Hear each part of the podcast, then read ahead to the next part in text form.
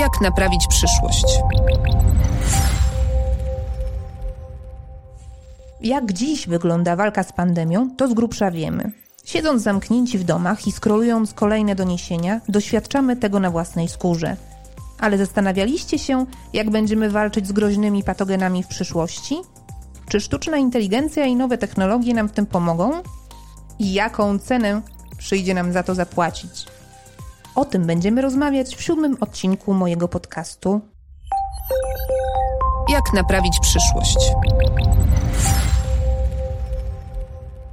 Moimi gośćmi są dr Rafał Mostowy, biolog chorób zakaźnych z Małopolskiego Centrum Biotechnologii Uniwersytetu Jagiellońskiego oraz Natalia Mileszyk z Fundacji Centrum Cyfrowe, która zajmuje się społecznym wymiarem technologii.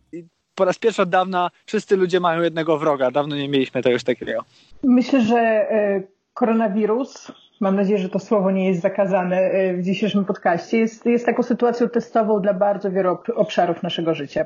W pierwszej części porozmawiamy z Rafałem o aktualnym stanie wiedzy na temat wirusa, tajemniczej chorobie X i zarazkach, które mogą zagrażać ludzkości w ciągu najbliższych dekad. Druga część dzisiejszego odcinka będzie poświęcona społecznym skutkom pandemii i wykorzystaniu nowych technologii do walki z wirusem. Z Natalią porozmawiamy więc o konsekwencjach wielotygodniowej izolacji i masowego przeniesienia ludzkich aktywności do sieci. Co zrobić, gdy wszyscy trąbią o nieuchronnej katastrofie? O apokalipsie ekologicznej, technologiach, nad którymi przestajemy panować, rosnących nierównościach społecznych, cyberwojnach, populistach, fake newsach. Możesz próbować odciąć się od złych informacji, uprawiać własny ogródek i udawać, że wszystko jest w porządku. Ale możesz też wziąć sprawy w swoje ręce. Naiwność? Być może, ale wolę wierzyć w to, że działania pojedynczych ludzi mają znaczenie. O tym, jak naprawić przyszłość w duchu filozofii DIY, czyli naszego swojskiego zrób to sam, będę rozmawiać z naszymi gośćmi, ekspertami z różnych dziedzin. Postaram się też namówić ich do tego, by weszli w buty futurologów i spróbowali opisać, jak będzie wyglądał interesujący nas wycinek rzeczywistości w 2050 roku. Nazywam się Barbara Sowa i w imieniu magazynu Pismo zapraszam do słuchania podcastu. Materiał jest częścią cyklu Jak naprawić internet, którego mecenasem jest Facebook. To jest odcinek eksperymentalny, bo wywiady nagrywam z domu. Mam nadzieję, że wybaczycie mi wszystkie techniczne niedociągnięcia. Ale przez ostatnie dni chyba już przyzwyczailiśmy się do tego, że nawet najwięksi telewizyjni giganci wywiady robią na Skype'ie. Więc mam nadzieję, że będzie ok. Przygotowując się do tego odcinka, przeczytałam nie tylko dziesiątki tekstów, ale też obejrzałam kilka produkcji dokumentalnych i fabularnych poświęconych epidemiom. Dla fanów retro science fiction polecam Tajemnice Andromedy. To film z 1971 roku, którego bohaterami jest grupka naukowców badających satelitę. Ten po zderzeniu z meteorytem spadł na pustynię w Arizonie, zabijając wszystkich mieszkańców pobliskiego miasteczka. Wszystkich oprócz dwojga ludzi. Alkoholika i noworodka. Nasi bohaterowie bunkrują się w odciętym od świata laboratorium i próbują ustalić, dlaczego tajemniczy kosmiczny patogen oszczędził staruszka i malca. Z ciekawszych dokumentalnych propozycji polecam Wam zaś Pandemię na Netflixie. Seria powstała w zeszłym roku i jest trochę taką zapowiedzią katastrofy, jaką obserwujemy obecnie. Ale wracając do koronawirusa, jak dziś wygląda stan badań nad SARS-CoV-2? Kiedy możemy spodziewać się szczepionki? Te pytania kieruję do Rafała Mostowego. Jeżeli chodzi o szczepionki, to, to to jest bardzo ciekawy temat, ponieważ mamy w tym momencie, z tego co wiem, chyba 35 firm, które bardzo mocno konkurują o to, żeby ich szczepionka została dopuszczona. W związku z tym jest dużo różnych kandydatów teraz. Z tego co wiem, jedna z tych firm w tym tygodniu chyba rozpoczęła próby na ludziach. To są próby pierwszej fazy klinicznej. Takich faz klinicznych są trzy i niestety im dalsza faza kliniczna, tym ciężej jest ją przeprowadzić, tym więcej jest wyzwań i tym dłużej czasu to trwa. W związku z tym tak naprawdę największym wyzwaniem w tworzeniu szczepionki jest zorganizowanie tej trzeciej fazy klinicznej. Szczepionka musi okazać się z jednej strony bezpieczna. Jest mnóstwo ludzi, którzy są coraz więcej niestety, którzy są sceptyczni wobec szczepionek i ta szczepionka również musi być wydajna i to tak naprawdę wychodzi pojedynczo w tych testach klinicznych. A na sam koniec, nawet jak szczepionka okaże się i bezpieczna, i wydajna, to trzeba ją wyprodukować masowo i to też jest wyzwanie. W związku z tym w tym momencie szacujemy, że w optymistycznym scenariuszu szczepionka pojawi się za mniej więcej 12 do 18 miesięcy, aczkolwiek ja spodziewam się, że będziemy tutaj świadkami bardzo ciekawych obrotów sytuacji. Być może pobijemy rekord, jeżeli chodzi o czas tworzenia szczepionki. Aha. Natomiast ty, typowo szczepionka to jest, to, to, szczepionki spokojnie może potrwać kilka lat, zanim się szczepionkę wytworzy. Tu akurat mamy trochę szczęście, to nie jest pierwszy koronawirus, z którym mamy do czynienia. W momencie, w którym była epidemia SARS-a w 2002-2003 roku, rozpoczęły się badania nad szczepionką przeciwko temu wirusowi. Natomiast ten wirus był na tyle śmiertelny, że nie porozprzestrzeniał się po całym świecie. Jeżeli chodzi o SARS, to, to, to nie, nie rozprzestrzeniło się poza Chiny i Hongkong bodajże. No i, że tak powiem, priorytety naukowe się zmieniły, skupiono się na czym innym. Natomiast fakt, że mam, mieliśmy prototypki odegrał dość ważną rolę w, w badaniach nad e, szczepionką przeciwko obecnemu koronawirusowi. Na szczepionkę przyjdzie nam poczekać co najmniej rok. Cała nadzieja, że leki pojawią się wcześniej. Jest na to szansa? Tak, więc tutaj zdecydowanie to bardziej optymistyczne. Redemsivir to jest lek, który został, że tak powiem, wymyślony w kontekście eboli, okazał się mało skuteczny kandydatem na lek przeciwko koronawirusowi. Leki antywirusowe generalnie blokują replikację wirusa, czyli spowalniają jego rozprzestrzenianie się. No to jest nasza broń na przykład przeciwko wirusowi HIV. Ile to czasu potrwa też nie wiemy. Dochodzą różne informacje do mnie na tego, lek będzie skuteczny czy nie. I tak naprawdę czas pokaże. Wydaje mi się, że tutaj najbardziej optymistyczny scenariusz jest zdecydowanie bardziej optymistyczny niż w przypadku szczepionki, bo tu mówimy myślę o kilku miesiącach. Naczelny magazynu Science w niedawnym komentarzu zastanawia się m.in. nad tym, czy powrót do zdrowia po pierwszej infekcji zapewnia trwałą odporność. Pytań i niewiadomych jest oczywiście znacznie więcej. Czego jeszcze o nowym wirusie i chorobie, którą wywołuje, nie wiemy. Jedną z największych niewiadomych tej pandemii jest to, ile zakażeń odbywa się bezobjawowo. To jest ważne z dwóch, przynajmniej z dwóch powodów. Po pierwsze, jeżeli mamy bardzo dużą ilość zakażeń, które nie objawiają się praktycznie w żaden sposób, te symptomy są niezauważalne, to ten współczynnik śmiertelności, który my szacujemy z danych, jest zdecydowanie zawyżony, bo po prostu okazuje się nagle, że jest mnóstwo osób, które są zakażone wirusem i nic im się nie dzieje. Natomiast z drugiej strony te osoby prawdopodobnie odgrywają bardzo ważną rolę w transmisji wirusa w populacji i przekazują go dalej ilu będzie zakażonych za tydzień, miesiąc, za rok. Angela Merkel mówiła, że na COVID-19 zachoruje dwie trzecie Niemców. Amerykańskie Centrum Kontroli i Prewencji Chorób, w skrócie CDC, w prezentacji, która co prawda nigdy nie została upubliczniona, ale jej dane znamy z przecieków, podawała, że w najgorszym wariancie zarażonych może zostać nawet 214 milionów Amerykanów. A w symulacji wykonywanej dla rządu brytyjskiego pojawiło się 54 miliony, czyli ponad 80% Brytyjczyków. Czy można wierzyć takim prognozom? O tym, jak trudno taki epidemiologiczny model stworzyć, mówią wprost naukowcy z Wydziału Uczenia Maszynowego Carnegie Mellon University. Od lat twórcy najbardziej wiarygodnych prognoz dotyczących rozprzestrzeniania się wirusa zwykłej grypy. Laboratorium stosuje różne metody, aby ocenić rzeczywistą liczbę zarażonych grypą. Są to m.in. historyczne dane z CDC i innych organizacji partnerskich, wyszukiwania w Google związane z grypą, aktywność na Twitterze czy w innych witrynach medycznych, no i oczywiście wyszukiwania w Wikipedii. Te wszystkie strumienie danych są następnie wprowadzane do algorytmów sztucznej inteligencji, które dają szacunkowy obraz prawdziwej skali epidemii. Sęk w tym, że w przypadku koronawirusa nie mamy ani historycznych danych, a informacje z sieci czy mediów społecznościowych trudno uznać za miarodajne. No bo przecież dziś cały świat czyta newsy i publikuje posty o wirusie. Gdzieś między 20 a 60% populacji będzie zakażonych. Dla porównania w przypadku grypy sezonowej, takiej dość zakaźnej, zakażonych zazwyczaj jest około 10% populacji. Jeżeli bierzemy pod uwagę, że ta rata śmiertelności jest około 10-krotnie większa, to trochę tak jakbyśmy mieli do czynienia z 50 niezależnymi epidemiami grypy naraz. Światowa Organizacja Zdrowia w 2018 roku wpisała na listę największych globalnych zagrożeń tajemniczą chorobę X, strasząc, że może ona uśmiercić nawet 80 milionów ludzi na świecie. Czy COVID-19 wywoływany przez koronawirusa jest właśnie pierwszym przypadkiem choroby X? Ja nawet pamiętam, jak na konferencji w zeszłym roku w Cambridge widziałem szefową działu PR Światowej Organizacji Zdrowia, którą zapytano o największe zagrożenia przyszłości, jakie widzi i powiedziała, że to jest następna duża pandemia. Głównie myśleliśmy o grypie i to nie jest coś, o czym przestaniemy myśleć, bo rzeczywiście niektóre z tych odmian grypy są trochę przerażające. Grypa tradycyjnie myślano i myśli się, że grypa jest jednym z największych zagrożeń dla ludzkości, konkretnie następna pandemia grypy, bo mamy rzeczywiście szczepy ptasiej grypy, które mają śmiertelność rzędu 50-60%. Gdyby któryś z tych szczepów nagle był w stanie bardzo łatwo rozprzestrzeniać się w populacji, no to rzeczywiście mielibyśmy do czynienia z, praktycznie z plagą biblijną. To, co teraz się dzieje, jeszcze nie wiemy, jaki będzie miało skutki, natomiast moja spekulacja jest taka, że jest to ogromny problem dla całej społeczności, natomiast to, jak powiedziałem, to jest jest dużo, dużo bardziej poważna sprawa niż wybuch nawet bardzo nieprzyjemnej grypy. Natomiast wydaje mi się, że to nie będzie kolejna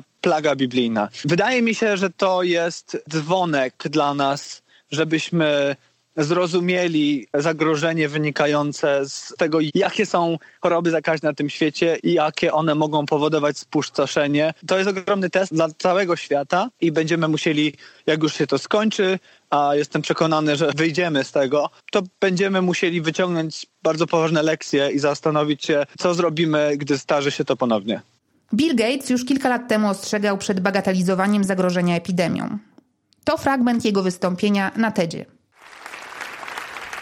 When I was a kid, the disaster we worried about most was a nuclear war. Gdy byłem dzieckiem, kataklizmem, którego najbardziej się obawialiśmy, była wojna nuklearna. Dlatego mieliśmy w piwnicy beczkę napełnioną puszkami i jedzeniem. Tak mówi założyciel Microsoftu, wnosząc na scenę metalową beczkę. Gdyby nadszedł atak nuklearny, mieliśmy zejść na dół, zadekować się i wyjadać z tej beczki. Dziś największe ryzyko globalnej katastrofy wcale tak nie wygląda. Tu Gates pokazuje slajd z nuklearnym grzybem. Wygląda tak. I tu pokazuje slajd obrazujący wirusa grypy pod mikroskopem. If anything kills over 10 million people jeśli coś zabije ponad 10 milionów ludzi w ciągu najbliższych dekad, to najprawdopodobniej będzie to wysoce zakaźny wirus, a nie wojna, nie pociski, a mikroby. Wideo z tym wystąpieniem obejrzało 15 milionów ludzi. Link znajdziecie w opisie podcastu. Gates wraz z żoną prowadzą fundację, której jednym z celów jest walka z AIDS i chorobami nękającymi trzeci świat. Ostrzegają nie tylko przed koronawirusami, ale też przed patogenami, które ukryte są od milionów lat w lodowcach i wiecznych zmarzlinach, a zostaną uwolnione do środowiska wraz z coraz szybszym ocieplaniem się klimatu. Ja się zastanawiam, jakie patogeny będą najbardziej niebezpieczne w przeciągu najbliższych 20-30 lat. Te uwolnione z lodowców? Te odzwierzęce? Czy może znane nam zarazy, z którymi już raz sobie poradziliśmy, które wracają z powodu antyszczepionkowców? Wydaje mi się, że to jest duże zagrożenie, zwłaszcza w przypadku bardzo zakaźnych chorób, bo im bardziej zakaźna choroba, tym większą proporcję populacji trzeba zaszczepić, żeby mm, uzyskać tak zwaną odporność stadną. Odporność stadna po prostu polega na tym, że jest na tyle dużo osób zaszczepionych, że lokalne epidemie nie, nie, wybuchają. Im bardziej choroba zakaźna, tym więcej ludzi trzeba po prostu zaszczepić. W przypadku odry zakaźnej już mieliśmy ten problem kilka lat temu. Wydaje mi się, że to nie jest problem, który zniknie, ponieważ żyjemy w coraz bardziej technologicznie zaawansowanych czasach, jesteśmy coraz zdrowsi, te choroby namacalnie widzimy coraz rzadziej. W związku z tym wielu osobom się wydaje, że wbicie igły dziecku nie jest niezbędne. Natomiast im mniej to osób wbija te igły i szczepi, tym większym zagrożeniem są te choroby. Mam nadzieję, że ta epidemia będzie troszkę takim wiadrem zimnej wody wylanym na głowę wielu osobom, ale myślę, że ludzie też mają krótką pamięć. Jeżeli chodzi o to, co, czego możemy się spodziewać w przyszłości bardzo ciężko jest powiedzieć, co będzie następnym zagrożeniem. To, to, co widzimy teraz, to jest trochę taki książkowy przykład efektu motyla.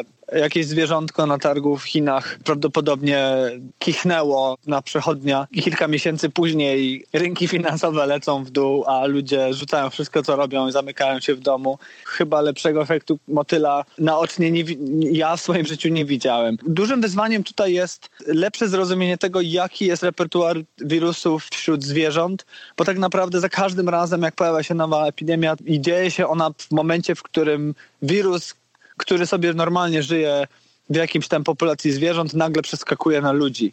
I ten wirus nie jest po prostu ewolucyjnie przystosowany do, do, do, nowego gospodarza. To są ślepe uliczki, ten wirus już nie rozprzestrzenia się dalej, albo powoduje kilka przypadków śmiertelnych i na tym się kończy, albo ma wysoką śmiertelność, właśnie jak w przypadku SARS i MERS w 2012 roku, kiedy rzeczywiście stanowi bardzo duży problem, ale nie rozprzestrzenia się tak skutecznie jak najnowszy koronawirus. Może powinniśmy się trzymać z dala od siedlisk dzikich zwierząt. No to my wkraczamy na ich terytorium, zagrabiamy je dla siebie, bo potrzebujemy nowych terenów na pastwiska. Nasza chciwość teraz się mści. Jak zapanować nad odzwierzęcym wirusem, zanim jeszcze zaatakuje człowieka?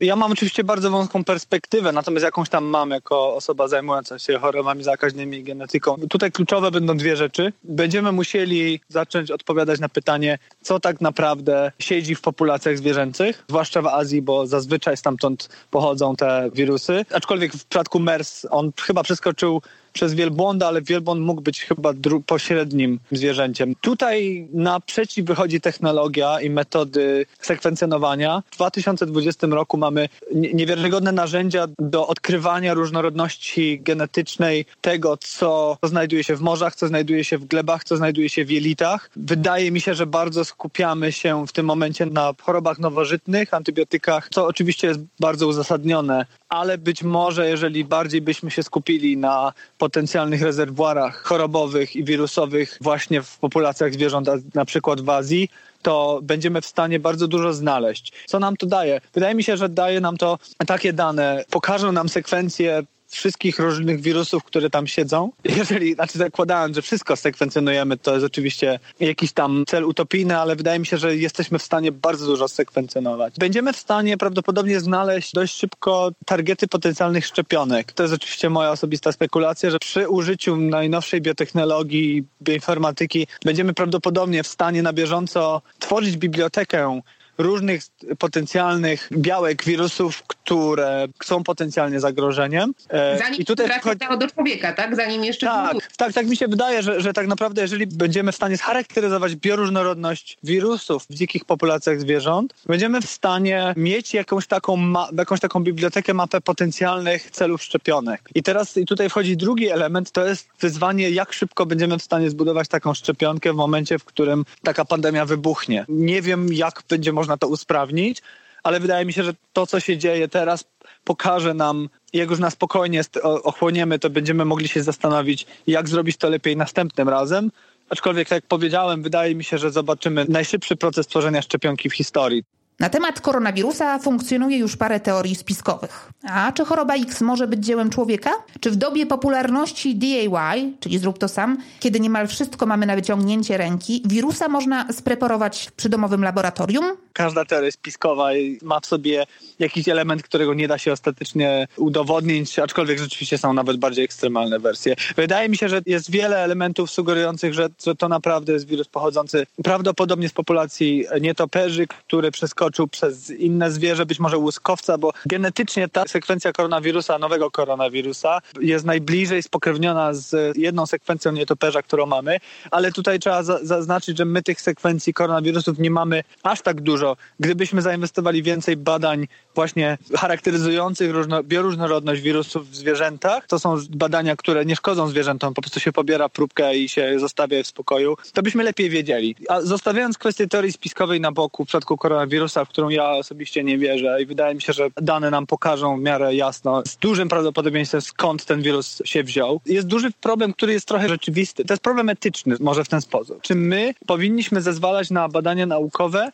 które starają się stworzyć bardzo zjadliwe szczepy wirusów. I z tego, co dobrze rozumiem argumenty obu stron, zwolennicy tych badań twierdzą, że w ten sposób będziemy tak naprawdę w stanie lepiej zrozumieć, co jest możliwe, jakie kombinacje są możliwe i lepiej zapobiegać tego typu pandemiom. Natomiast przeciwnicy tego typu badań starają się podkreślić, że tak naprawdę nigdy nie mamy pewności, czy tego typu wirus nie zostanie wyniesiony z, z laboratorium i użyty jako broń terrorystyczna i lepiej jest nie wchodzić w tego typu eksperymenty, bo potencjalny koszt jest większy niż zysk. Ja osobiście skłaniam się do tego drugiego podejścia. Wydaje mi się, że nawet właśnie w przypadku grypy, jeżeli ktoś wynalazłby wirusa, który stanie wybić połowę populacji i rozprzestrzenić się bardzo szybko, to wydaje mi się, że żyjemy w czasach, gdzie nie, nie brakłoby ludzi, którzy byliby bardzo zainteresowani, żeby takiego wirusa dorwać i go po prostu uwolnić. Co ciekawe, ludzkie technologie były zazwyczaj sprzymierzeńcem zarazy. Czarna śmierć w XIV wieku, czyli dwie odmiany dżumy, przybyła na statkach. Koronawirus rozprzestrzenił się dzięki globalizacji i popularności międzynarodowych lotów. Ale nowe technologie mogą być też narzędziem służącym w dobrej sprawie. Sztuczna inteligencja, big data, tyle o nich mówimy, no ale na ile tak naprawdę nowe technologie pomagają nam dziś walczyć z pandemią? Ruchy naszej populacji są skomplikowane, bardzo ciężko jest zrozumieć i przewidzieć. To jest duże wyzwanie każdego modelu epidemiologicznego i każdej symulacji. Jest grupa w Cambridge, która y, dwa czy trzy lata temu widziałem ich prezentację w jednym rejonie w Wielkiej Brytanii rozdali ludziom smartfony i używali tego przez jakiś czas, oczywiście za ich zgodą, do śledzenia ich życia. I to tak naprawdę jest niewiarygodnie ciekawa sprawa, bo w ten sposób jesteśmy w stanie na żywo śledzić ruch, ruch populacji. I tutaj pojawiają się teraz głosy, że być może tak naprawdę śledzenie ludzi na żywo w naszej liberalnej demokracji za ich zgodą, w niektórych państwach już niekoniecznie, że to jest najlepszy sposób walki z epidemią, żeby być w stanie mieć świadomość lokalizacji każdej osoby w każdym czasie połączonej z testowaniem testowaniem i że tylko w ten sposób będziemy w stanie zapobiegać rozprzestrzenianiu się epidemii. Więc tutaj sztuczna inteligencja też może mieć pole do popisu, żeby na przykład być w stanie wykrywać nie wiem, osobę, która ma symptomy na podstawie, wymyślam teraz, tych przykład mhm. zupełnie z kapelusza, że nie wiem, na podstawie tego, co wrzucają na media społecznościowe, żeby mówić, że ta osoba być może jest chora, bo napisała do swojego członka rodziny, że się źle czuje i wtedy jest podnoszony alarm i można zadziałać. Mam dobrego znajomego, który już analizował dane z Twittera, żeby wykrywać potencjalne epidemie grypy. Ja sobie wyobrażałem scenariusze bardziej mroczne, znaczy wchodzące już bardzo w takie prywatne aspekty naszego życia. Pytanie, na ile możemy zaufać zaufać sztucznej inteligencji jest w ogóle pytaniem, na które ciężko odpowiedzieć, bo sztuczna inteligencja jest narzędziem. To są po prostu narzędzia obróbki danych i to zależy tylko i wyłącznie od nas, w jaki sposób wykorzystamy te narzędzia do walki z, z, zagrożeniami ludzkości, z których pandemie prawdopodobnie teraz będą w pierwszej trójce. Patrząc na to, co się dzieje teraz, to też jest ogromny powód do optymizmu w tym wszystkim, bo mamy do czynienia z absolutnie bezprecedensowym tempem dzielenia się wiedzą, ekspertyzą i danymi pomiędzy różnymi grupami. Mamy grupy naukowe, które rzucają praktycznie to, co robiły wcześniej, wchodząc w temat koronawirusa i zaczynając współpracę z innymi grupami, żeby coś nowego zrobić i żeby pomóc pandemią. Ja nie widziałem nigdy czegoś takiego wcześniej. W tym momencie jest ogromna wola, żeby udostępnić jak najwięcej danych, jak najszybciej w wspólnym celu, bo, bo jednak teraz po raz pierwszy od dawna wszyscy ludzie mają jednego wroga. Dawno nie mieliśmy czegoś takiego. Jeżeli chodzi o technologię, to wydaje mi się, że my, my już dużo bardzo potężnych narzędzi mamy i gdybyśmy wcześniej zabrali się za bardzo porządne przygotowania przeciwko czemuś takiemu, to zgaduję, że, że mogliśmy tego uniknąć. Tradycją w tym podcaście jest intelektualna podróż do 2050 roku. Rafale, jak za 30 lat będziemy zapobiegać epidemiom i walczyć z groźnym patogenem? Yuval Harari pisał w książce o tym, że mamy ogromny etyczny problem z tym, żeby dać jakiejkolwiek instytucji wgląd w maile, które piszemy, ale nie mamy problemów z wpisywaniem swoich intymnych szczegółów w media społecznościowe i wnoszeniem zegarka, który monitoruje nasz puls. Więc w dużym stopniu będzie to zależeć od tego, które kraje będą w stanie wejść w głębiej w prywatność poszczególnych osób i mam tu wrażenie, że kraje azjatyckie będą, będą, zrobią to dużo lepiej, mocniej. Jednak to zupełnie inna kultura, jednak to poczucie kolektywu w Azji czy w Chinach jest bardzo silne i podejrzewam, że po pierwsze Chiny wyciągną z tego mądrzejsze wnioski, lepiej się przygotują. Społeczność azjatycka, nie tylko w Chinach, prawdopodobnie będzie skłonna iść trochę dalej, jeżeli chodzi o pogodzenie się z odejściem od prywatności na rzecz zapobiegania przyszłych epidemii. Więc technologia już jest, aczkolwiek tu na pewno będzie się rozwijać powiedzmy, że nie wiem, taki scenariusz, że będziemy mieć, ja, nie twierdzę, że coś takiego będzie miało w 2050 roku, ale możemy sobie wyobrazić, że będziemy nosić chipy, które będą nam monitorować temperaturę i tętno. Sztuczna inteligencja będzie doskonale wiedziała, jakie są symptomy choroby i w momencie, w którym wyczuje zwiększoną temperaturę i tętno, podniesie alarm. W ciągu pięciu minut pojawi się wóz kwarantanny na Zawinie i nie będziemy rozprzestrzeniać choroby dalej. No ale to są, to są scenariusze troszkę z George'a Orwella, także podejrzewam, że nic takiego w Europie nie przejdzie, ale 30 lat to jest bardzo długi okres. Tu inną sprawą jest kwestia technologii. Tutaj postęp naukowy dzieje się tak szybko, że po pierwsze, te technologie, które mamy dzisiaj już mogłyby działać bardzo dużo, ale 30 lat w postępie naukowym to jest wieczność i rzeczy, które dzisiaj uważamy za niemożliwe, za 30 lat prawdopodobnie będą możliwe. W związku z tym możemy sobie tylko wyobrażać, jakie technologie będziemy posiadać w przyszłości. Być może znajdziemy jakieś bardzo mądre leki wirusowe, które będą w stanie działać bardzo szybko. Być może będziemy w stanie tworzyć nowe szczepionki w perspektywie tygodni. A na koniec parę słów na temat tego, dlaczego tak ważne jest, żebyśmy zostali w domu i unikali kontaktów. Wiem, że z biegiem dni staje się to coraz trudniejsze dla każdego z nas. Okazuje się jednak, że nawet w XXI wieku jedynym skutecznym sposobem jest e, dość anachroniczne i znane chyba od stuleci rozwiązanie, czyli zabunkrowanie się w domach. Tak zwane dystansowanie społeczne redukuje transmisję wirusa między zakażonymi i opóźnia wzrost liczby chorych. Chodzi o to, by przypadki zachorowań rozłożyły się w czasie, żeby ta krzywa wypłaszczyła się, bo dzięki temu nasz system zdrowotny się nie zawali. O to dziś trwa walka. Rozkładamy epidemię w czasie i pozwalamy służbie zdrowia nadążyć z leczeniem chorych. Ale to nie znaczy, że musimy się zupełnie od ludzi odizolować nie unikajmy kontaktu z ludźmi, tylko zastanówmy się, które kontakty możemy zastąpić wirtualnie przez telefon online, zwłaszcza z osobami w wysokiej grupie ryzyka, czyli osobami starszymi, osobami, które mają inne schorzenia, choroby, bo to są osoby bardzo narażone w tym momencie na epidemię, a jak teraz słychać, można odbyć bardzo ciekawą rozmowę również przez Skype'a. Jak naprawić przyszłość? Na początku miałam taki pomysł, żeby podzielić się z Wami w tym odcinku propozycjami różnych online'owych aktywności. Wirtualnych wycieczek, przedstawień teatralnych, filmów, seriali, kursów dostępnych za darmo w sieci. Ale potem stwierdziłam, że jest duże prawdopodobieństwo, że tak jak ja, możecie już tych propozycji mieć po kokardę. Mnie ten urodzaj opcji nieco przytłacza. Zwyczajnie mam wyrzut sumienia. Taka fantastyczna oferta, a ja nie mam na nią czasu. Zamiast tego polecam Wam kilka opcji. Po pierwsze, poczytajcie o pomysłach rozwiązań mogących pomóc w obecnej sytuacji, jakie zgłaszają do Fundacji Państwo programiści. A być może znajdziecie własny pomysł na własne narzędzie. Na platformie, do której link znajdziecie w opisie podcastu, jest już zgłoszony m.in. E, serwis kojarzący lekarzy i pielęgniarki z wolontariuszami, apka sprawdzająca zaopatrzenie sklepów, czy giełda kooperacyjna online. Jest też kącik dla Zrób to samowiczów. Znajdziecie w nim link do tutorialu Janka Leśniaka, z którym rozmawiałam w zeszłym odcinku podcastu na temat materiałów i mody. Janek pokazał, jak można uszyć e, samemu w domu maseczkę ochronną. Podrzucam Wam też zaakceptowany przez WHO przepis na środek do dezynfekcji rąk. A teraz czas na rozmowę z Natalią Mileszyk z Fundacji Centrum Cyfrowe. Porozmawiamy o tym, jakie konsekwencje, nie tylko prawne, ale też społeczne, będzie miała epidemia koronawirusa. Ja nadaję z sypialni, a co tam u Ciebie, Natalio, w tle widać? Dzień dobry, nadaję, nadaję z kuchni. Mam taki okrągły, dosyć duży stół, przy którym super się siedzi i pracuje. Ładny widok za oknem, więc nie mogę narzekać. Przyniosłam całość swojej działalności do y, wirtualnego świata. Natalio, y, jeszcze wczoraj można Cię było posłuchać, jak opowiadasz o Iranie y, i pokazujesz zdjęcia z wypraw y, do, do tego kraju. No bo muszę Wam powiedzieć, że Natalia jest nie tylko prawniczką, ale też podróżniczką. I relacje na Facebooku e, zorganizował Kuba Górnicki jego e, super zespół z Outridersów. My zaś wczoraj w piśmie mieliśmy po raz pierwszy kolegium online. Całkiem fajnie poszło, pracujemy, działamy pełną parą. No i oswojamy się z nowymi narzędziami do pracy zdalnej.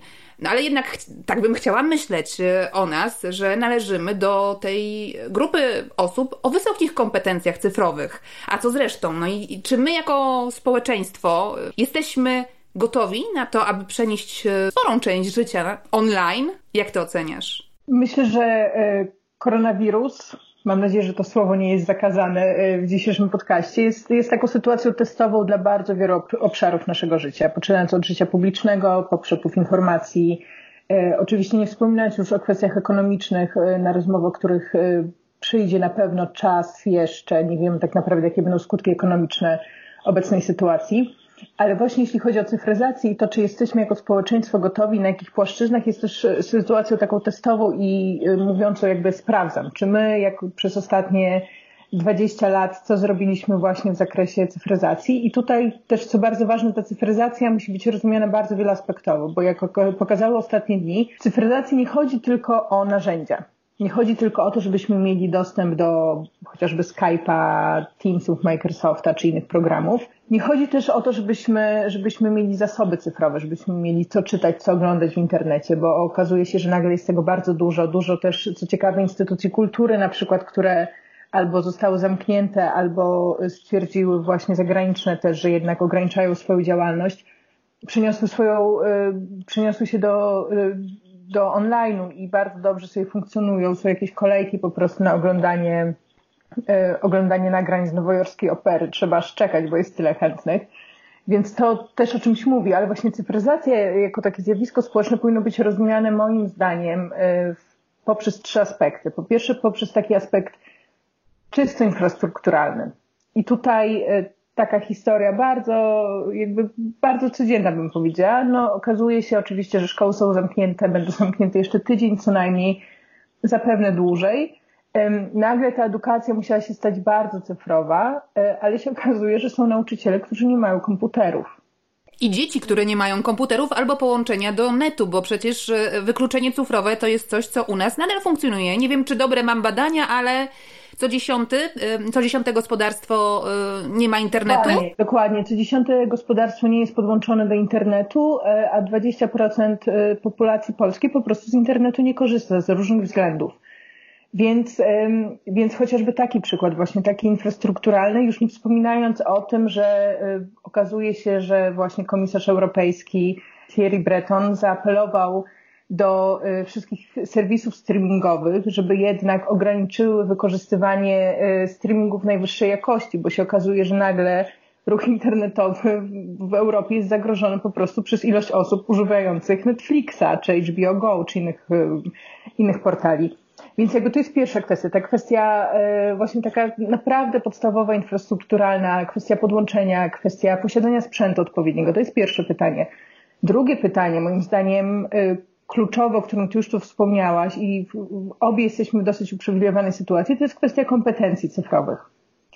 I znowu e, jakby bardzo łatwo jest pewnie w obecnym, przy obecnym onarzędziowaniu przenieść pracę, głównie biurową oczywiście, do, do działalności zdalnej, ale pytanie o kompetencje pracowników i pytanie też o kompetencje na przykład kadry menedżerskiej.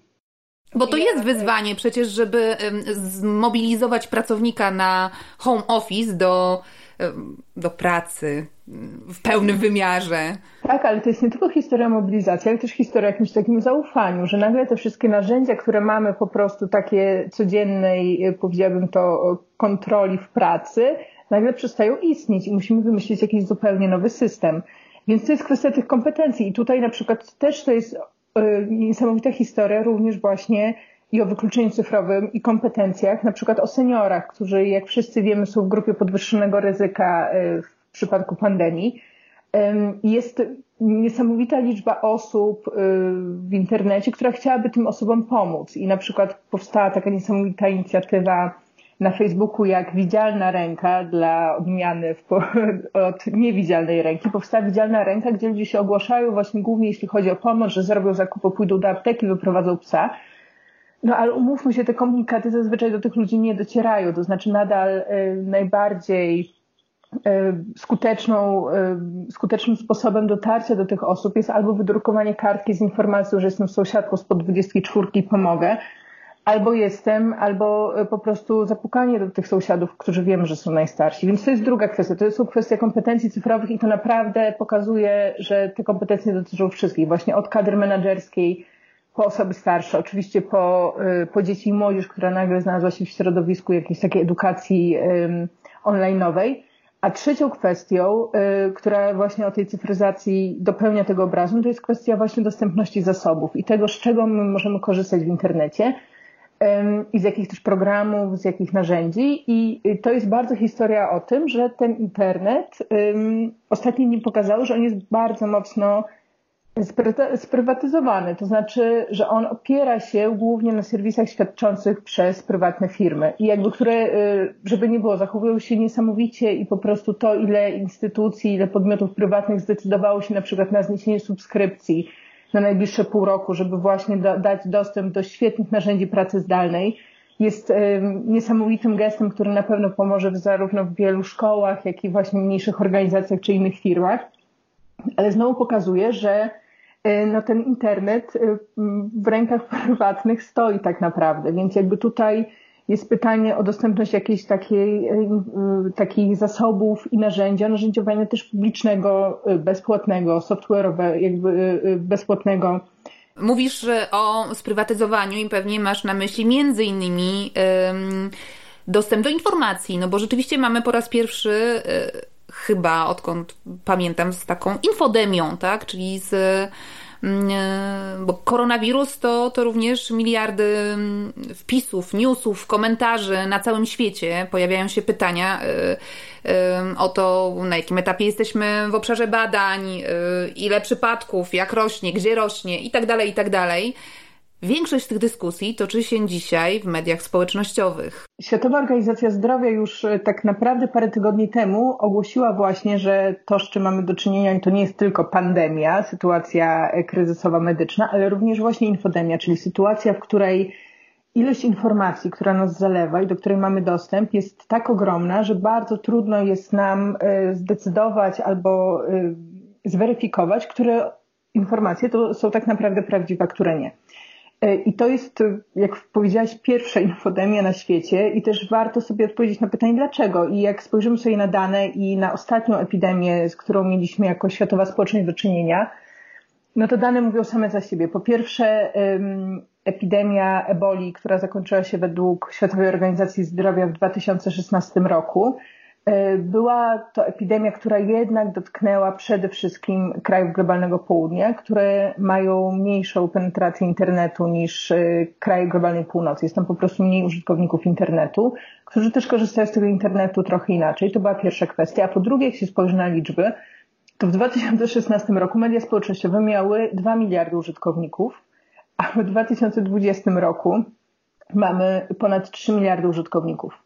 Więc ten wzrost jest naprawdę ogromny i oczywiście też liczba informacji, która każdego dnia do nas dociera, y, jest dla żadnego człowieka nie, nie do ogarnięcia. I tutaj właśnie pojawia się problem dezinformacji, kwestii, kwestii fake newsów i tego, jak są rozpowszechniane różne informacje, również teorie spiskowe. No nie ukrywajmy, że w przypadku koronawirusa dużo takich teorii spiskowych gdzieś tam się pojawiło.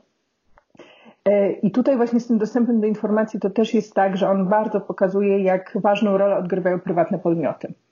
E, I jak się zastanowimy, skąd my bierzemy informacje o pandemii, no to oczywiście część z nas zapewne sprawdza jakieś swoje ulubione tytuły gazet, może sprawdzamy jakieś tytuły zagraniczne, jeśli znamy język angielski bądź inny, ale większość z nas tak naprawdę korzysta z Facebooka, z Twittera, ewentualnie z Instagrama, YouTube'a i oczywiście też jeszcze wracając do początku pandemii i do sytuacji w Chinach, to też bardzo pokazało o chińskim modelu gdzieś tam informowania, bo Chiny w ogóle funkcjonują w oparciu o zupełnie inne, inne narzędzia niż my w Europie. Jakby Chinek, chiński rynek wykształcił własne narzędzia do komunikacji, właśnie social mediowe. I tutaj e, okazało się, że WeChat, czyli taki komunikator najpopularniejszy w Chinach, który obsługuje te niezliczone ilości Chińczyków, cenzurował i ograniczał informacje o pandemii już od, e, od e, tak naprawdę stycznia, od 1 stycznia 2020 roku.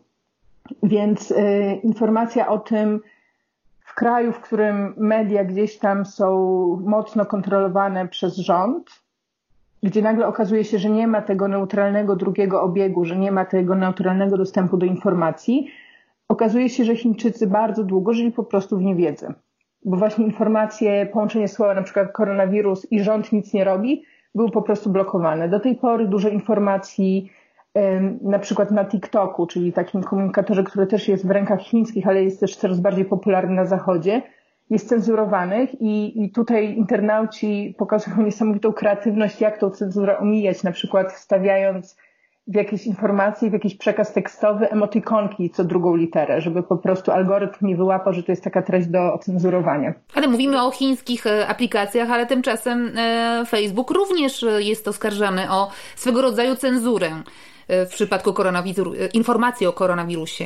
Tak, i tutaj jakby tylko, że historia Facebooka pokazuje, jak skomplikowana jest kwestia zarządzania wiedzą w ogóle w internecie w dzisiejszych czasach, bo z jednej strony Facebook e, i inne, inne media społecznościowe, Twitter, właśnie YouTube, robią niesamowite rzeczy, żeby e, rozpowszechniać te informacje prawdziwe. To znaczy, jeśli na przykład wpisujemy koronawirus w wyszukiwarkę, to w pierwszych linkach wyszukiwania będziemy mieli link albo do stron rządowych, albo do stron Światowej Organizacji Zdrowia, żeby to było pierwsze miejsce, z którego będziemy czerpali informacje. No ale właśnie z drugiej strony wszystkie serwisy społecznościowe w jakiś tam sposób filtrują treści. To znaczy właśnie odsiewają treści, które mogłyby w jakiś sposób naruszyć prawo. Y, I w przypadku koronawirusa właśnie y, próbują walczyć z dezinformacją, czyli z takimi informacjami, które niekoniecznie są prawdziwe, no tylko, że tutaj zawsze są tak zwane skutki uboczne, jakieś takie ofiary albo informacje, które nie zostały opublikowane w związku z tym właśnie, że ten filtr treści nałożony na dane, na dane słowo jest przykręcony po prostu za mocno. Więc, więc tutaj pytanie, na co się też godzimy jako społeczność tak naprawdę i właśnie ym, też jeśli chodzi o filtrowanie i moderowanie treści na mediach społecznościowych, to musimy pamiętać, że w większości wszystkie firmy korzystają z tak zwanego modelu mieszanego, to znaczy mają moderację, filtrowanie treści przy pomocy algorytmów zautomatyzowane, ale też korzystają z pracy po prostu ludzi, którzy odpowiadają, przeglądają, przeglądają te treści. Można na przykład obejrzeć taki dokument, jakby ktoś miał czas wolny, czyściciele internetu, który pokazuje właśnie pracę ludzi zatrudnionych przez Facebooka w celu moderacji treści i dbanie o to, żeby treści niezgodne ze standardami społeczności były publikowane na portalu. I rozumiem, że dzisiaj ci ludzie trochę e, musieli zwolnić obroty, to znaczy dzisiaj tego czynnika ludzkiego jest mniej, a o ile w ogóle, w ogóle funkcjonuje. Zgadza się, w większości tych miejsc oni nie przychodzą po prostu do pracy z wiadomych przyczyn, ponieważ e, e, najlepiej, jakby najlepszą metodą, jeśli ktoś może sobie na to pozwolić, jest zostanie w domu, więc te osoby nie przychodzą do pracy, nie przychodzą do biura często nie mogą swojej pracy właśnie wykonywać e, zdalnie, ponieważ tutaj brakuje odpowiednich systemów, również jeśli chodzi o system bezpieczeństwa. E, I właśnie coraz większą rolę przyjmują algorytmy. Właśnie na przykład YouTube ogłosił, że przechodzi w pełni na, na kontrolę treści przy pomocy algorytmów, co już teraz widać, że prowadzi, wszystkie liczby to wskazują, że prowadzi właśnie do tego, że jednak e, ten filtr jest przykręcony na tyle mocno, że często nasze informacje prawdziwe właśnie dotyczące koronawirusa mogą się nie prześliznąć. E, I to właśnie e, myślę, że jak to już się wszystko skończy, to powinniśmy mieć bardzo dużą dyskusję o takiej transparentności i o jakby kontroli też nad tymi systemami, które kontrolują treści. No bo oczywiście, e, jakby, nie, jakby ja, żeby nie było, to są prywatne podmioty, tylko że one pełnią jednak pewną rolę publiczną i to bardzo ważną. To znaczy internet obecnie funkcjonuje w oparciu o platformy internetowe, mamy do czynienia z bardzo dużą platformizacją internetu, I właśnie takie miejsca jak Facebook czy Twitter stały się współczesną agorą. Więc nawet jeśli są prowadzone przez firmy prywatne, to pytanie jest, w jaki sposób te firmy prywatne powinny zagwarantować, żeby publiczny interes był tam y, widoczny, żeby też wolność słowa jednak y, mogła, mogła być przez ludzi wykorzystywana. Ale też jeszcze bardzo ciekawym przykładem, jeśli chodzi w ogóle o dostęp do treści i to, co wiemy o pandemii i do jakich treści mamy dostęp, No to jest przykład Wikipedii, e, która zupełnie inaczej podchodzi do kwestii moderowania treści i, i która kiedyś była bardzo krytykowana za to, że każdy może e, zrobić tutaj edycję tekstu na Wikipedii co oczywiście nie jest do końca prawdą, a po drugie okazuje się, że w czasach kryzysu właśnie ta społeczność za e, pewnym, powiedziałabym to, produktem informacyjnym jest największą siłą Wikipedii. Bo w Wikipedii już jakiś czas temu stwierdzono, że jednak treści medyczne są treściami o najwyższej e, wartości społecznej i powinny być naprawdę bardzo dokładne, precyzyjne, dobrze sprawdzone. I od jakiegoś czasu jest e, taki projekt, te artykuły są włączone w projekt właśnie Wikipedia Med, w ramach którego y, pracuje około 200 lekarzy, to znaczy pracuje wolontaryjnie 200 lekarzy wikipedystów, którzy właśnie sprawdzają wszystkie informacje, sprawdzają wszystkie y, doniesienia przed ich opublikowaniem. Więc ja mogę sobie coś tam napisać, dodać do, o koronawirusie, ale to będzie przechodziło bardzo dokładną y, edycję i sprawdzenie przez osoby, które po prostu się na tym znają. Więc tutaj y, też co ciekawe, jakby w Wikipedii w bardzo dobry sposób i bardzo gładko zareagowała na tę zmianę, ponieważ już dawno powiedzieli sobie, że właśnie te treści medyczne są bardzo ważne. I tutaj jakby i tak naprawdę Wikipedia obecnie dla wielu językach jest najlepszym źródłem informacji o, o koronawirusie, co pokazuje, że może też jakimś kierunkiem myślenia o internecie i o jakichś takich systemowych zmianach i o tym, czego nam potrzeba, jest po prostu więcej społeczności w internecie i więcej właśnie ludzi angażujących się w tworzenie e, jakościowych produktów. Jest duże poczucie właśnie wspólnoty, robienia czegoś wspólnie, jakiegoś takiego dobra wspólnego, w który e, ludzie tworzący Wikipedię się, e, się angażują. Ale też co bardzo ciekawe, Wikipedia nie udaje, że nie ma dezinformacji w internecie. To znaczy Wikipedia też jasno mówi i są hasła nawet na ten temat, na przykład dezinformacja dotycząca koronawirusa. Więc to też jest bardzo ciekawe miejsce, w którym można sobie sprawdzać informacje, no bo właśnie tam lądują te wszystkie teorie spiskowe po prostu o jakichś fundacjach płacących za wynalezienie koronawirusa w, w jakichś e, ciemnych laboratoriach. I co ciekawe, tam też jest nawet taki e, jakby sam temat o dezinformacji przez rząd amerykański, no bo Tutaj ze strony administracji amerykańskiej parę słów takich spektakularnych padło na temat koronawirusa. I właśnie to jest bardzo ważne, że Wikipedia i społeczność Wikipedii nie mówi, że to jest prawda, a nic innego jakby wokoło się nie dzieje, tylko oni mówią, to są obiegi informacji, to są różne informacje, które znajdujecie w internecie i to są sprawdzone informacje medyczne, a to są po prostu teorie spiskowe, które ktoś próbuje, do których ktoś próbuje was przekonać. Ja myślę, że o, mm, do obiegu informacji jeszcze wrócimy, ale wspomniałaś o Chinach i Chiny to jest bardzo szczególny mm, przypadek kraju. Kraju, którym państwo stosuje, ja bym to tak nazwała cyfrowy zamordyzm. Być może to y, za mocne słowo, ale chodzi mi o to, że zarówno mm, technogiganci, jak i społeczeństwo podporządkowują się karnie władzy. E, a władza oczywiście od paru ładnych lat buduje dość rozbudowany system e, inwigilacji i oceny obywateli. No dlatego nie dziwią nas te, te różne rozwiązania o, o paskach z kodami QR, które są każdy, którą muszą nosić obywatele, czy mierzenie temperatury e, za pomocą karmer termowizyjnych albo dronów. Ale przecież takie granice kontroli przy użyciu nowych technologii przekraczają też inne kraje, tak? Izrael pozwolił służbom inwigilować obywateli przez e, smartfony. W Korei natomiast e, Ministerstwo Spraw Wewnętrznych udostępniło e, aplikację trekkingową i ta aplikacja za pomocą GPS-a sprawdza, czy osoba poddana kwarantannie rzeczywiście siedzi w domu. Co ciekawe, nasze ministerstwo zdaje się pracuje nad podobnym rozwiązaniem, jeśli już nie zostało ono udostępnione. Moje pytanie brzmi, czy w obliczu pandemii zmieni się trochę nasze podejście do rozwiązań technologicznych, które jeszcze niedawno nazywaliśmy inwigilacyjnymi? Mam nadzieję, że nie. I mam nadzieję, że jednak y, jako społeczeństwo, y, przede wszystkim w Unii Europejskiej, będziemy y, stali na stanowisku, że pandemia jest jednak sytuacją wyjątkową i pandemia jest sytuacją również z prawnego punktu widzenia, jakby na którą nikt nie był przygotowany.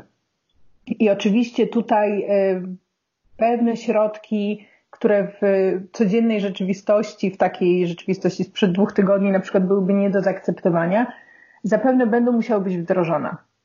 I oczywiście to, co się dzieje w Chinach, to jest e, jakaś sytuacja absurdalna, też jakby rozwijając kwestię, tu wspomniałaś o tym QR-kodzie na przykład.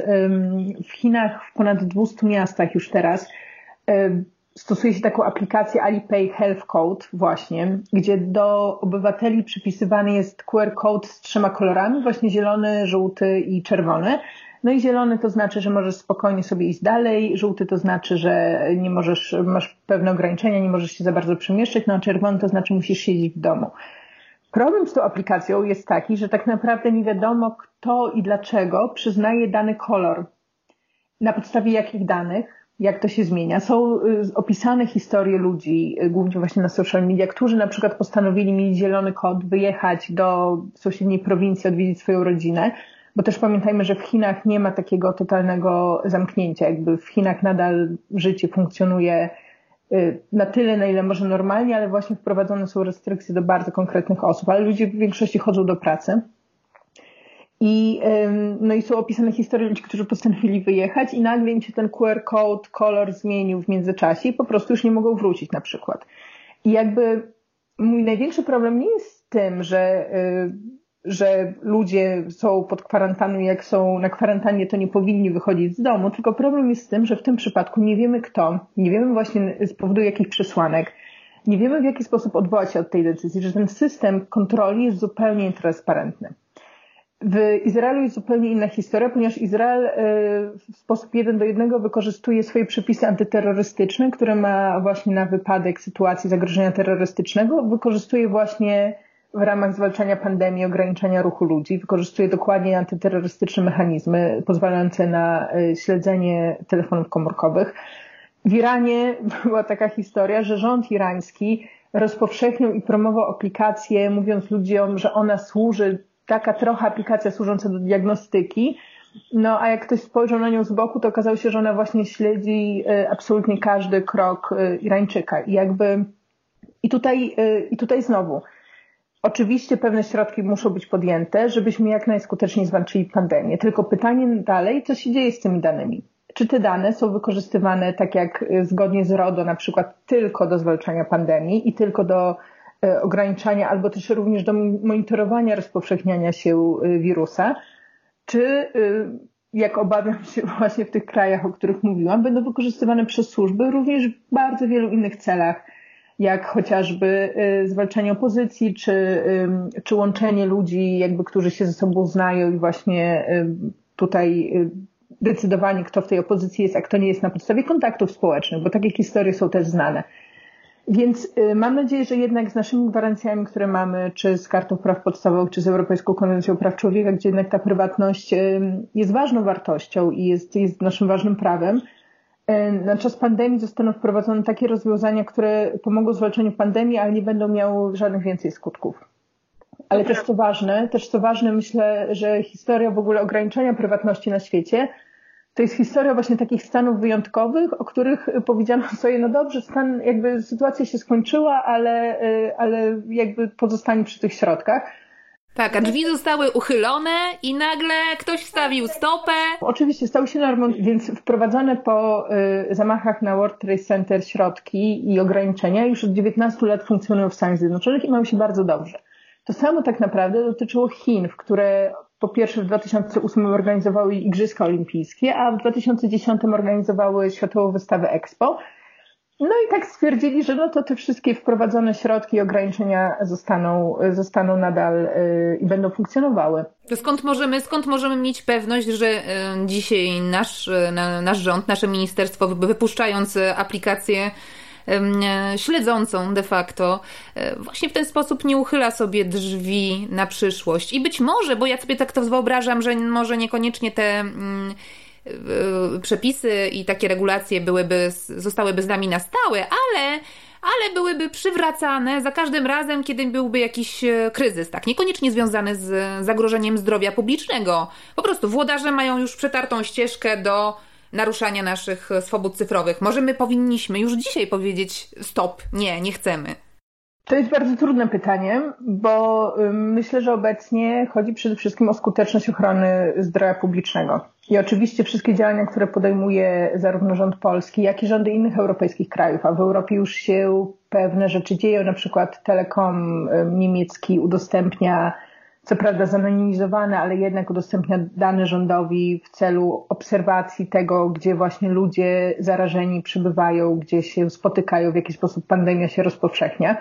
Więc te dane już gdzieś tam są wykorzystywane. Mam nadzieję, że to niby jakby, że scenariusz, który zarysowałeś nie będzie miał miejsca, no bo wszystkie gwarancje, które mamy, wykluczają wprowadzenie takich rozwiązań na dłuższą metę albo też zbieranie, agregowanie danych na temat obywateli w celach innych niż zwalczanie pandemii. Więc, e, więc tutaj zobaczymy. Może porozmawiają po prostu, jak sytuacja wróci do normy, miejmy nadzieję, szybciej niż później. E, I zobaczymy, zobaczymy, jak to wszystko się rozwinie. Ale tak jak mówię, chyba najważniejsze jest to, żeby właśnie ten stan kryzysowy, jak stan taki wymagający jednak dosyć um, radykalnych działań ze strony służb, nie stał się stanem normalnym, na który się godzimy. Bo tutaj przy okazji rozmowy o danych, naszych prywatnych danych, jest jeszcze jedna kwestia, którą myślę, że warto poruszyć, i to jest kwestia, która też każe nam pomyśleć o, o rozwiązaniach, które będą przydatne w przyszłości. Ja mówię o tym, o czym teraz bardzo głośno um, mówią wszyscy przedstawiciele firm, które testują albo już wdrażają e, sztuczną inteligencję do pracy w służbie medycyny, medycyny tak? E, ponieważ oni wszyscy mówią wprost, że, że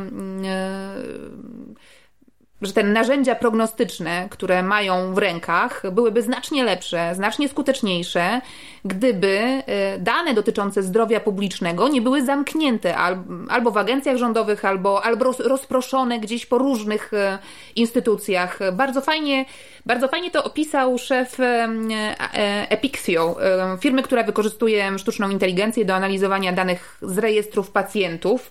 I on powiedział tak, że nasze algorytmy uczą się pływać w małych jeziorach, a nie w wielkim oceanie danych. I, i to takie obrazowe porównanie mówiące o tym, że mm, jest tu wiele do zrobienia, bo przecież e, tak naprawdę nowe technologie powinny nam służyć i, e, i e, to właśnie sztuczna inteligencja i, i, i maszynowe uczenie powinno nam dzisiaj pomagać e, w modelowaniu rozprzestrzeniania się epidemii, w przewidywaniu, na, w których krajach będzie się rozwijała szybciej, wolniej, w jaki sposób e, choroba. No ale tutaj pojawia się problem, no bo żeby to wszystko skutecznie działało w obliczu, walcy, w obliczu walki z, z epidemią, no to dostęp do tych danych powinien być jakiś globalny i, i powinni się na to zgodzić zarówno Chiny, zarówno Iran, jak i Stany Zjednoczone. No, myślę, że jakieś wypracowanie takiej wspólnej polityki do dostępu do tych danych, wspólnych standardów,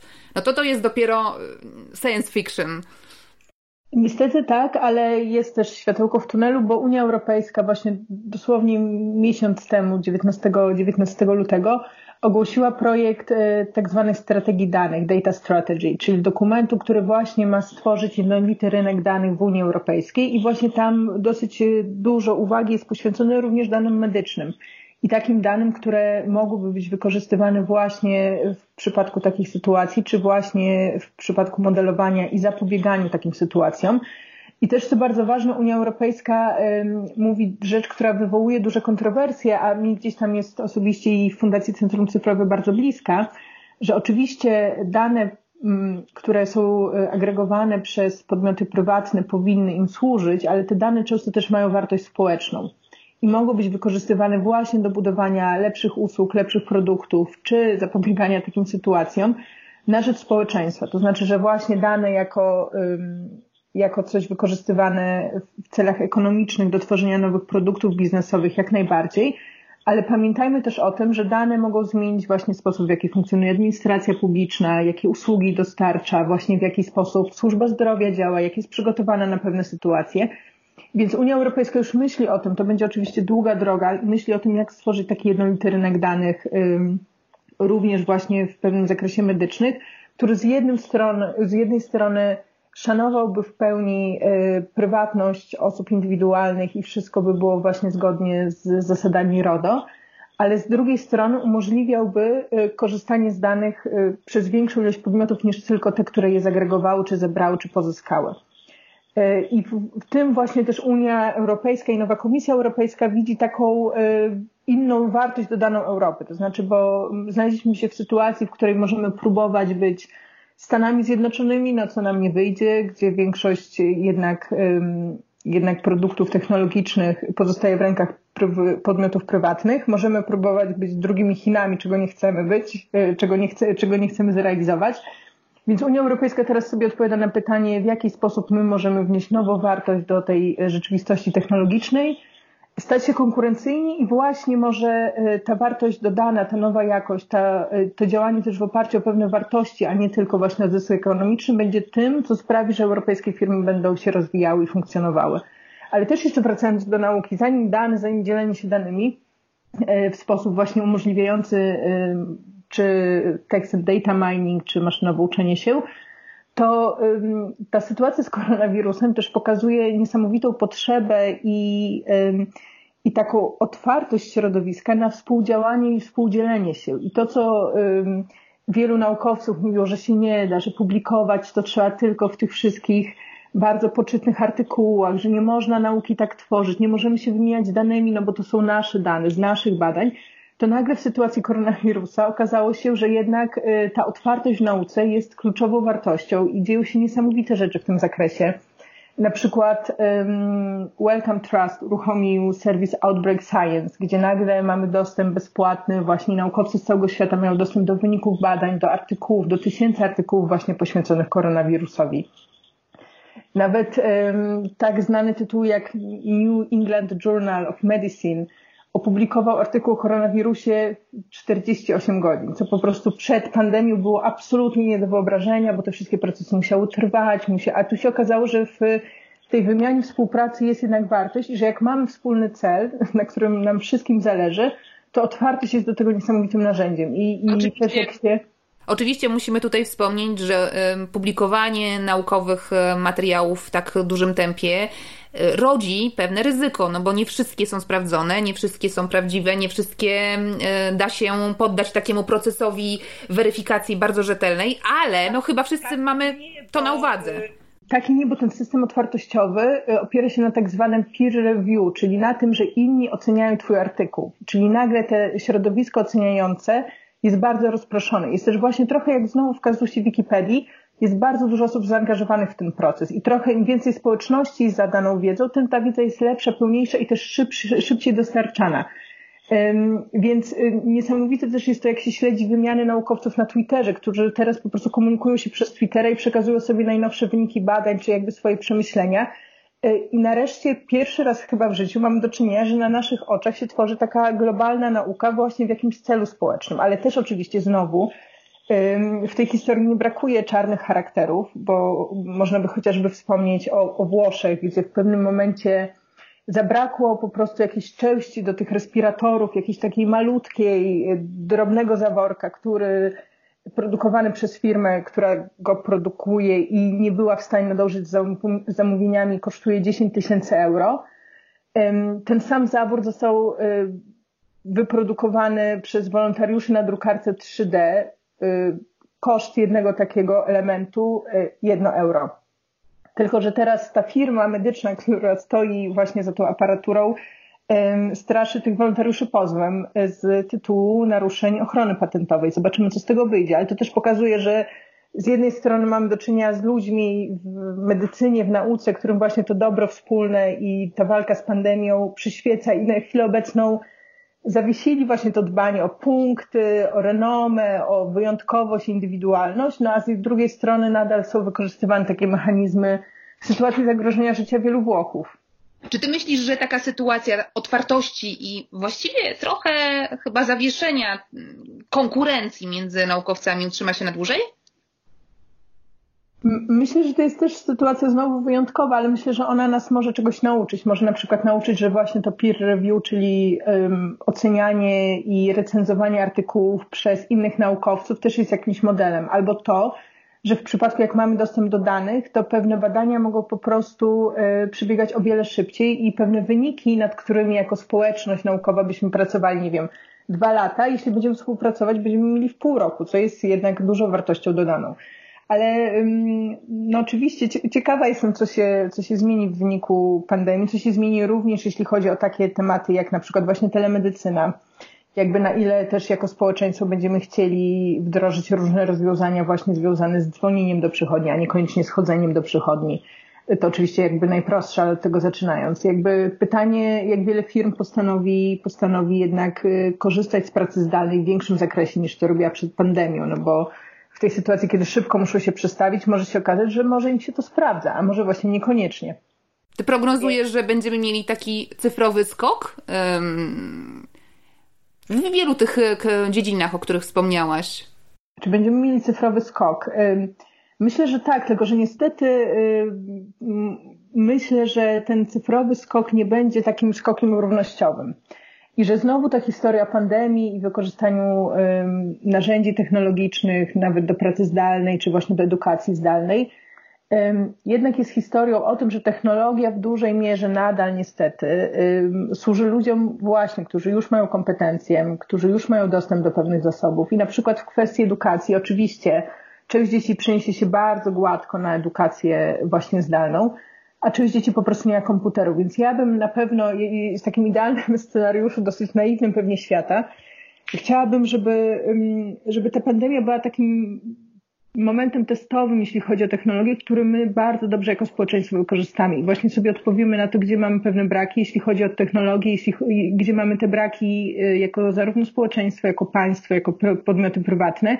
I co możemy zrobić, żeby w przypadku kolejnego dużego kryzysu, który mam nadzieję nie będzie prędko, ale kiedyś na pewno, e, żeby to nie była sytuacja, w której wykorzystanie technologii znowu staje się jakimś takim narzędziem wykluczającym albo pogłębiającym pewne niesprawiedliwości społeczne. Więc jakby mm, takie pytanie, które gdzieś tam ze mną od tygodnia jest, to jest właśnie pytanie o to, jak sprawić, żeby technologia była, służyła bardziej równości społecznej, a niekoniecznie e, rozwiązywaniu problemów dla tych, którzy już, e, już teraz są w bardziej uprzywilejowanej pozycji, nawet w tej sytuacji pandemii niż inni. Na koniec chciałabym Cię namówić na e, skok w przyszłość, bo to jest stały element mojego podcastu i jakbyś sobie miała wyobrazić pandemię w 2050 roku, to jak Twoim zdaniem będzie wyglądało wtedy nasze życie? Czy też e, wtedy izolacja może nie będzie już nam straszna, no bo nie wiem, będziemy mieli e, wirtualne rozrywki w domu i będzie to dla nas norma. A może, nie wiem, będziemy podłączeni do, do sztucznej inteligencji, która na bieżąco będzie informować o każdym skoku naszej temperatury naszego ciała. Nie wiem, no. Pewnie wizje są różne. Jaką, jaka jest Twoja wizja? To znaczy, czytałam na stronie MIT ostatnio taki artykuł, że sztuczna inteligencja może zapobiegać pandemiom, ale jeszcze nie tej. Więc ja mam nadzieję, że jednak w 2050 roku nie będziemy mieli do czynienia z żadną pandemią, a nawet jeśli, to dzięki temu, właśnie dzięki dobremu zarządzaniu danymi, dzięki dzieleniu się nimi, dzięki też sztucznej inteligencji, która będzie służyła właśnie społeczeństwu, a nie my sztucznej inteligencji, uda się tą pandemię po pierwsze jakby za, nie przepowiedzieć, ale jakby na samym początku jej funkcjonowania już, już ją opisać, e, w odpowiedni sposób zdiagnozować i po prostu jej zapobiec. Więc ja mam nadzieję, że w 2050 roku już żadną pandemią nie będziemy mieli do czynienia, na pewno nie na taką skalę jak dzisiaj. I tego sobie życzymy. Bardzo Ci dziękuję. Życzę dużo zdrowia i cierpliwości. Jakby jesteśmy w uprzywilejowanej znowu sytuacji, możemy sobie pozwolić na pracę zdalną, więc jakby myślę, że trzeba życzyć przede wszystkim dużo cierpliwości tym, którzy takiej możliwości nie mają. Jasne, to prawda. Dziękuję Ci bardzo. Dzięki, dobrego dnia wszystkim. Jak naprawić przyszłość? Na koniec chciałabym Was zostawić z najważniejszym pytaniem, które nurtuje mnie od tygodnia. Jakie konsekwencje, takie długoterminowe, będzie miała pandemia? Ekonomiczne to na pewno, ale jakie będą skutki społeczne? Czytam więc eseje publicystów, filozofów, futurologów i różnych mądrych głów tego świata w poszukiwaniu odpowiedzi. Teorii jest już kilka. Profesor Marcin Król w rozmowie z Anitą Czupryn z Polski The Times zapowiada, że pojawi się masa ludzi zbędnych, pozbawionych zajęcia, którzy mogą zacząć wszczynać bunty. Iwan Krastew w kilku punktach wymienia widoczne już dziś zmiany. Innymi wzmocnienie pozycji państwa narodowego, zwrot ku ekspertom i nauce oraz pokoleniowy konflikt między starszymi, którzy dziś są przecież w grupie ryzyka, i izolowanie całego społeczeństwa może im uratować życie, a młodymi, którzy usiedzieć w domu nie chcą i wciąż mają starszym za złe bagatelizowanie zagrożenia klimatycznego. Najbardziej optymistyczną wizję nakreśliła Lee Edelkort, słynna analityczka trendów. W głośnym wywiadzie prognozuje, że pandemia położy kres naszemu rozbuchanemu konsumpcjonizmowi, a my sami skupimy się na tym, co ważne, zminimalizujemy swoje potrzeby, zacieśnimy więzy z najbliższymi. No piękna to wizja, choć moim zdaniem nieprawdziwa. Życzę Wam dużo zdrowia i cierpliwości. Nie dajcie się czarnym myślom. Czytajcie pismo, kupujcie prenumeratę i słuchajcie naszych podcastów. To był siódmy odcinek podcastu Jak naprawić przyszłość. Ja się nazywam Barbara Sowa i do usłyszenia za miesiąc. Jak naprawić przyszłość?